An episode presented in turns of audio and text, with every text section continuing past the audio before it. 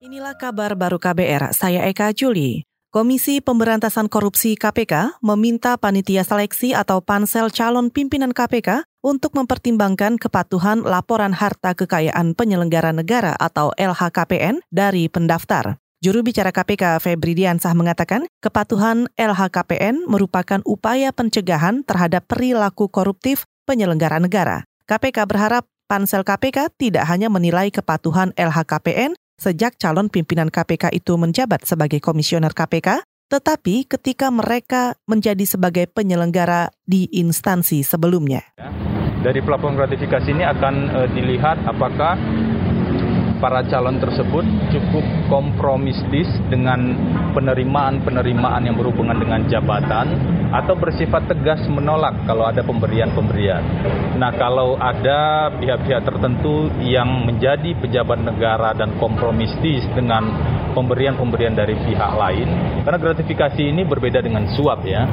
Juru bicara KPK, Febri Diansah menambahkan, pansel calon pimpinan KPK juga harus mencermati pelaporan gratifikasi dari calon pimpinan KPK karena KPK menolak tegas pemberian gratifikasi.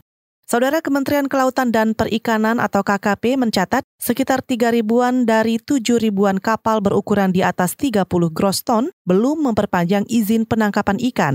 Direktur Jenderal Perikanan Tangkap KKP M. Zulfikar Mohtar menyebut Sebagian besar izin yang belum diperpanjang itu ada yang sudah habis sejak tiga bulan, enam bulan, bahkan tiga tahun lalu. Menurut Zulfikar, banyak kapal penangkap ikan mengelabui dengan modus tampilan kapal yang sama dan menggunakan izin secara bergantian agar tetap bisa melaut pemerintah akan menindak tegas karena modus seperti ini berpotensi merugikan negara.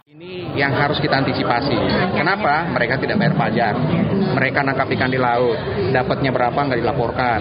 Kemudian mereka juga mungkin ke mana-mana masuk ke lokasi apa, menguras sumber daya ikan, nggak jelas. Ini menghilang, menyebabkan kerugian negara. Ini satu catatan yang akan kita rapikan. Dirjen Perikanan Tangkap Kementerian Kelautan dan Perikanan M. Zulfikar Muhtar juga menambahkan, kementeriannya akan mengirim pemberitahuan kepada pemilik kapal-kapal itu dan memberi waktu satu hingga dua minggu untuk mengurus perpanjangan izin. Zulfikar juga menegaskan, jika masih ada pemilik kapal yang bandel dan tidak juga memperpanjang izin, maka akan dikenai sanksi, mulai pencabutan izin kapal untuk menangkap ikan, pengurangan alokasi kapal, hingga pencabutan izin surat izin usaha perikanan.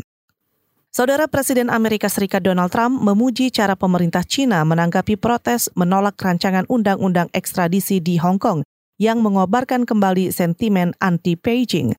Menurut Trump, China sebenarnya bisa saja menghentikan gelombang protes, namun China tidak melakukannya.